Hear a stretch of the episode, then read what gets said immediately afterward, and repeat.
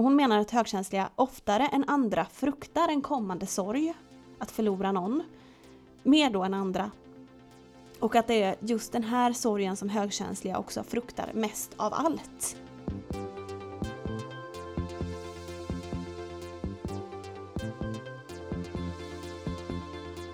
Du lyssnar på HSP-podden med Leveby och Klar. Hej och välkomna tillbaka till oss på HSP-podden med Leveby och Klar. Podden som handlar om det ärftliga personlighetsdraget högkänslighet. Och ni är många som hör av er till oss. De flesta av er har troget följt med hela vägen och en del har nyss upptäckt podden och försöker lyssna i kapp har jag förstått. Gemensamt för er alla är att ni verkar uppskatta podden och att ni känner igen er i det som vi berättar. Och det är ju verkligen peppande. Speciellt som vi berättar så mycket. Ja, det är ju lite av vår grej att alla känslor är tillåtna. Och så måste det ju få vara. För vi känsliga och högkänsliga känner ju, enligt forskning, mer än andra. Processar mer än andra och analyserar mer än andra. Och då är det ju heller inte så konstigt att vi också reagerar starkare på livets olika skeenden. Som när vi förlorar någon eller något. Och det är det som det här avsnittet ska handla om. Förlust och sorg. Och hur man handskas med den. Eh, det är ju inte vi några experter på såklart, men vi ska i alla fall prata om det. Eh, har du förlorat någon, Ida? Ja, personer så, så har jag förlorat min mormor. Som var min bästa vän. Hon dog bara några dagar innan jag skulle fylla 20. Och hon hade alltid sagt att hon hoppades att hon skulle få leva tills jag tog studenten. Och att efter det, då kunde hon dö.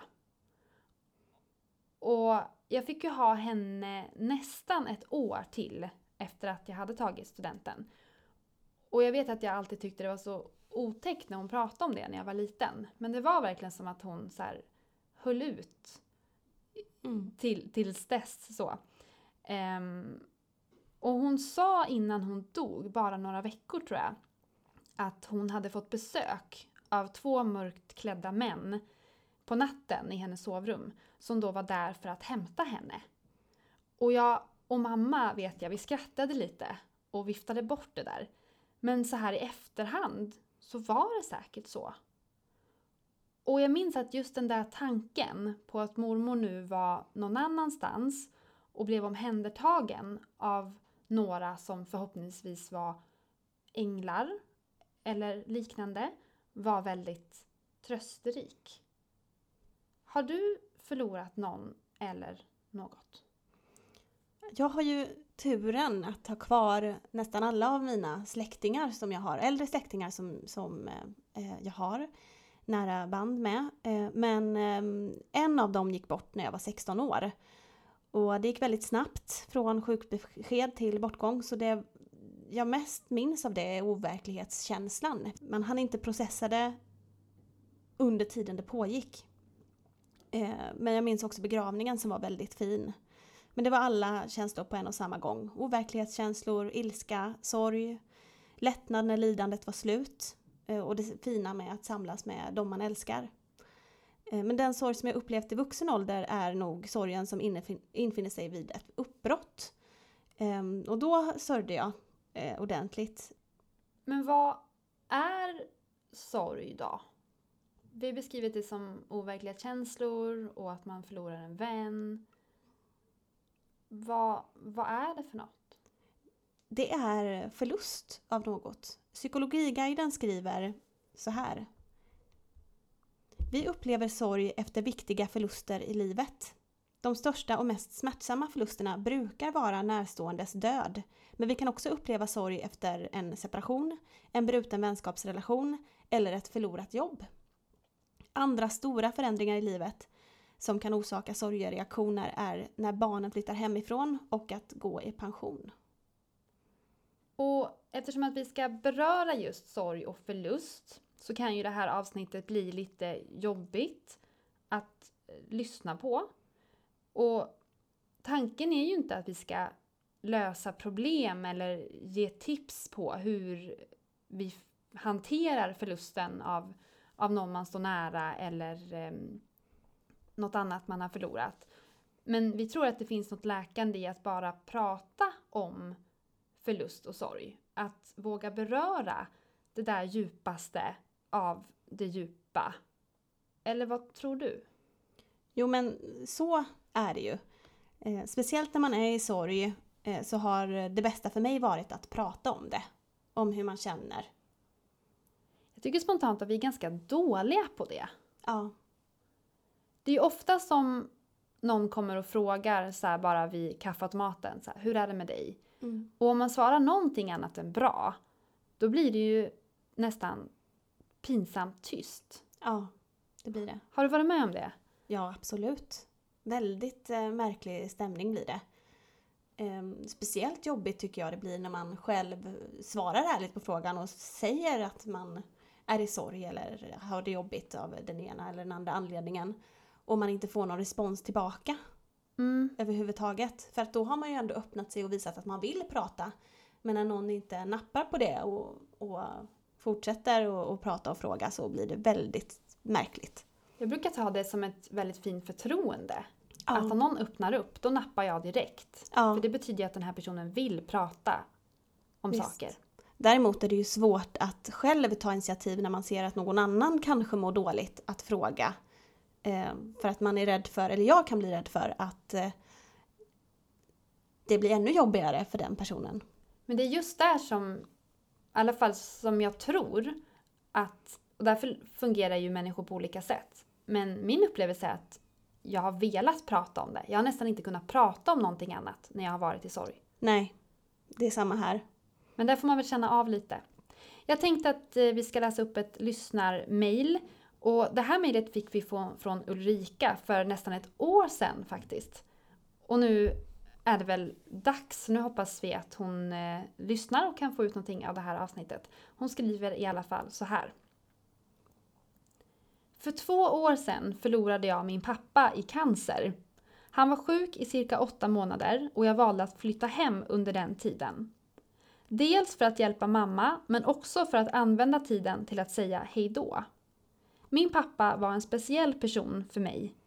Jag har alltid trivts väldigt bra med honom då han var intelligent, gillade att diskutera och alltid hade roliga projekt igång. Som högkänslig har jag haft lite svårt att hitta vänner jag har utbyte av, så därför var pappa viktig för mig även som vuxen.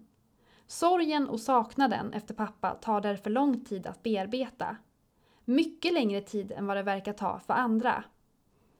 Jag vet att sorg är individuell och att alla hanterar den olika. Men för ett tag sedan kom jag att tänka på vad högkänsligheten kan spela för roll i det här.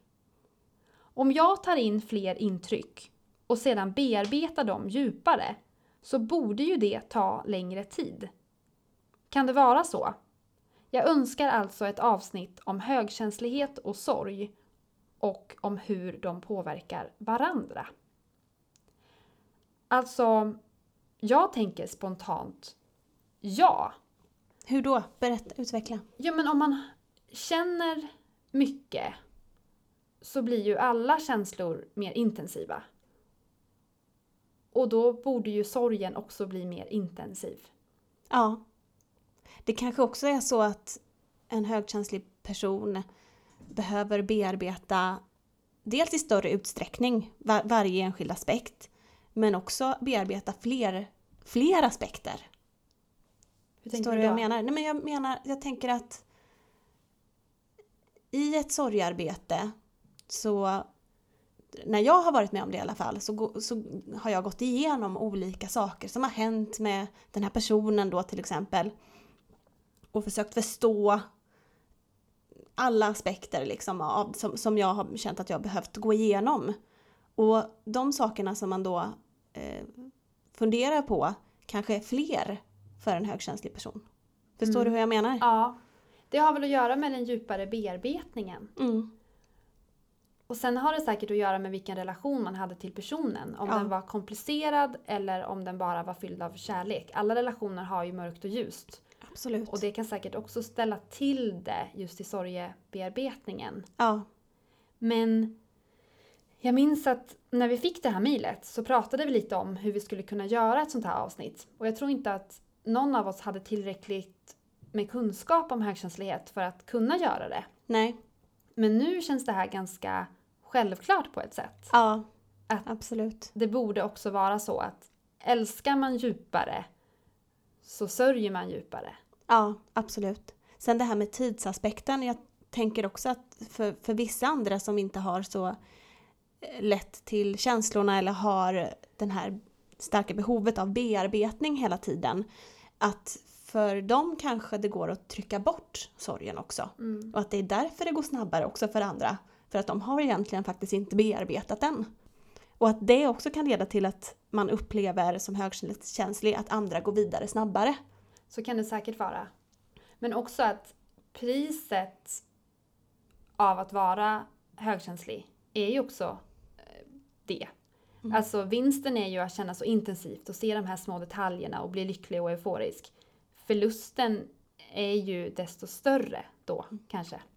Visst. Samtidigt så om man bearbetar en sorg Sen när, det, när man har gjort det, sen är det ett sorgarbete kanske pågår också hela livet men i olika, eh, på olika nivåer.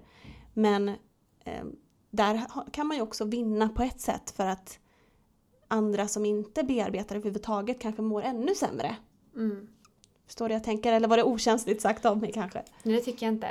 Och nu vill inte jag vara okänslig mot vår lyssnare Ulrika som ju faktiskt har förlorat sin pappa. Men mitt djupaste djupa, alltså jag får nästan eh, gråten i halsen. Den överlägset, alltså absolut största paniken i mitt liv. Alltså det som verkligen ger mig ångest på riktigt. Det är att förlora min mamma. Och det kommer ju att ske en dag. Om det nu är så att eh, jag inte blir sjuk eller eh, hamnar i någon olycka. Ehm, Jag tror att jag var runt fem år första gången när jag sa att jag skulle ta livet av mig när mamma dog. Oj, oj. Mm, och jag sa det till henne. Eh, och hon sa att nej det kommer du inte alls att göra. Men jag hade redan då ett sånt ofantligt starkt band till henne. Och mamma har sagt nu till mig i vuxen ålder att hon själv förstod ganska tidigt när jag var liten att en av hennes eh, uppgifter i livet skulle bli att hjälpa mig. Mm. Att hon på något vis förstod att så här, okej, här, behövs, här kommer det behövas eh, extra Mm. liksom. Och till och med nu, vid 33 års ålder, så känner jag att när mamma går bort, då, då kommer jag att dö. Alltså Mm. själsligt.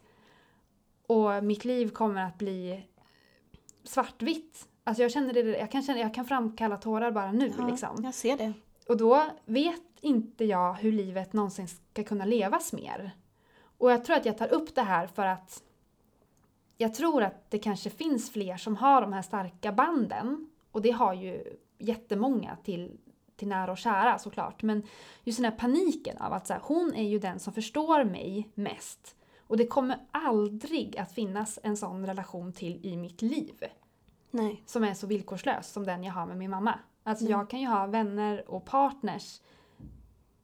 Men, och just den känslan, det tror jag ändå har med högkänsligheten att göra. Ja. Jag förstår bara inte riktigt hur. Den här Nej. paniken. Elaine Aron har faktiskt skrivit lite om det här. Forskaren då som har myntat begreppet högkänslighet. Det har inte jag läst. Nej, men jag ska berätta här vad hon skriver på eh, sin blogg. Hon pratar om just högkänsligas rädsla för att mista någon. Och hon menar att högkänsliga oftare än andra fruktar en kommande sorg, att förlora någon, mer då än andra. Och att det är just den här sorgen som högkänsliga också fruktar mest av allt.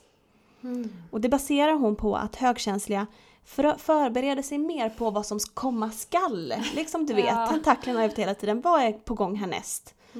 Och ehm, att just den, de här tankarna då kan, kan uppkomma. Det är ju en typ av ka- katastroftankar, eh, tänker jag.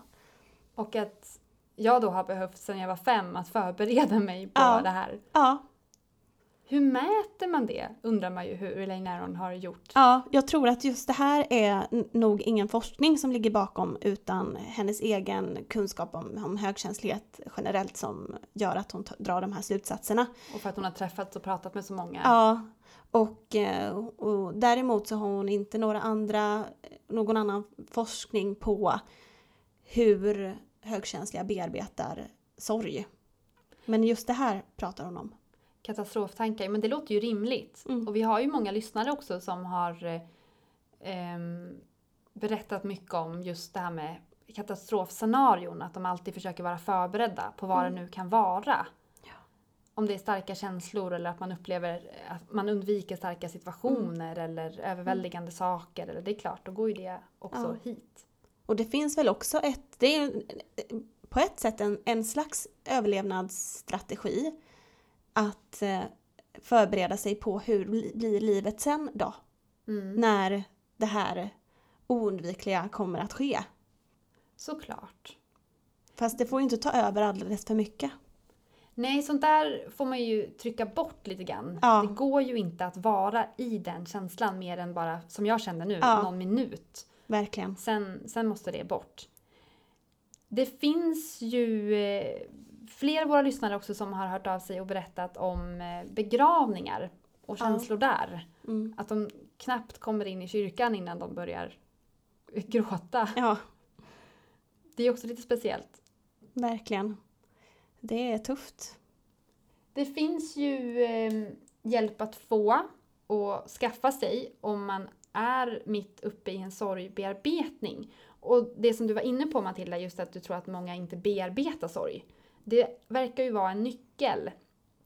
Eh, jag har i min hand här den, en bok. Den heter kort och gott Sorgbearbetning. Och det är ett handlingsprogram för känslomässig läkning vid dödsfall, separationer och andra förluster. Och på framsidan här så är det eh, illustrationer, teckningar av personer med eh, brutet hjärta. Det är någon som står framför en gravsten. Det är eh, någon som har förlorat ett barn. Någon som har eh, gått iväg någon, Ja, från någon annan Ja, och lämnat den andra ensam kvar. någon som har flyttat ser det ut som. Någon som har förlorat benet. Ja, Mm. Och det är en bok från Svenska institutet för sorgbearbetning. Och nu sitter ju inte vi så och gör reklam för dem så. Men det här är ett eh, program. Då kan man eh, delta i såna här eh, grupp, gruppövningar och så. För andra Ja, ja. Som, med andra som också har förlorat någon. Mm. Och så kan man göra övningar i den här boken. Mm. Och det är två amerikanska eh, killar som har som, som skapade det här. Okej. För att de hade, den ena hade förlorat ett barn. Har du använt dig av den här själv? Ja, det har jag gjort. Och jag har flera böcker. Mm. Jag har faktiskt gjort så att jag har, för varje förlust och sorg i mitt liv, så har jag eh, köpt en ny sån här bok. Okej. För att det har känts fel att använda samma bok igen. Ja. För det har ju med olika sorger att göra. ja, det är klart. Det är väldigt intensivt. Man får gå igenom, man ritar liksom som upp ett tidsschema för den här förlusten. Vad det nu än kan vara. Och så får man verkligen eh, gå igenom olika delar. Jag tror det går ut på att se båda sidor av en, en händelse, Ja, en relation så. just det. Men det finns säkert andra sätt att bearbeta förluster på. Jag kan tänka mig att många gör det också på egen hand i sig själva. Ja, ja. Och andra kanske vill göra det med andra. Och behöver göra det med andra. Nu har ju vi berört det här ganska ytligt, Ja. tycker vi. Mm. Andra kanske tycker att det är djupt. Mm. Det får Så kan det vara. Men jag tänker på um, när jag läste på om sorg när jag var mitt uppe i, i, en, i en process. Då vet jag att Vårdguiden skrev det så himla fint. Alltså Mm. beskrev sorgen. Tror det var som att uppleva, att uppleva en förlust, det är lite grann som att amputera ena benet. Mm. Och att man kommer att lära sig att gå igen med en protes. Men att man alltid kommer att halta lite. Ganska fint. Väldigt fint. Och att det finns en acceptans någonstans i det. Men också att det kommer alltid, det finns alltid något som kommer påminna om det. Och att det kommer att gå. Mm, framförallt. Vi tänkte att vi som vanligt ska avsluta det här samtalet med en dikt av Bertil Monegrim som vanligt. Och eh, den här gången skriver han om alla helgons dag. Det har ju redan varit och passerat men det passar ju väldigt bra just när vi pratar om det här ämnet. En ljus tid heter dikten. Där de vackra höstlöven har tagit mark samlas vi för att minnas i kärlek alla nära och kära. På alla helgons dag minns vi hur det var en gång och tusentals ljus vill omfamna dem med goda tankar och frid. För vi minns dem så väl. Vi kanske minns det vackra leendet och skrattet som är så svåra att sudda ut.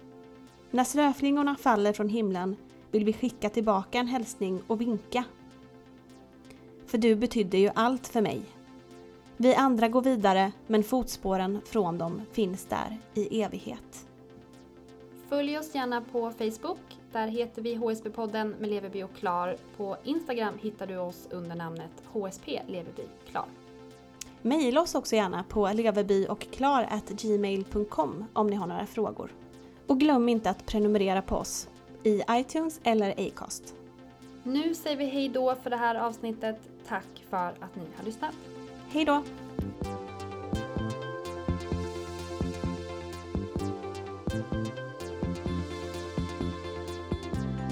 Har lyssnat på HSP-podden med Leveby och Klar.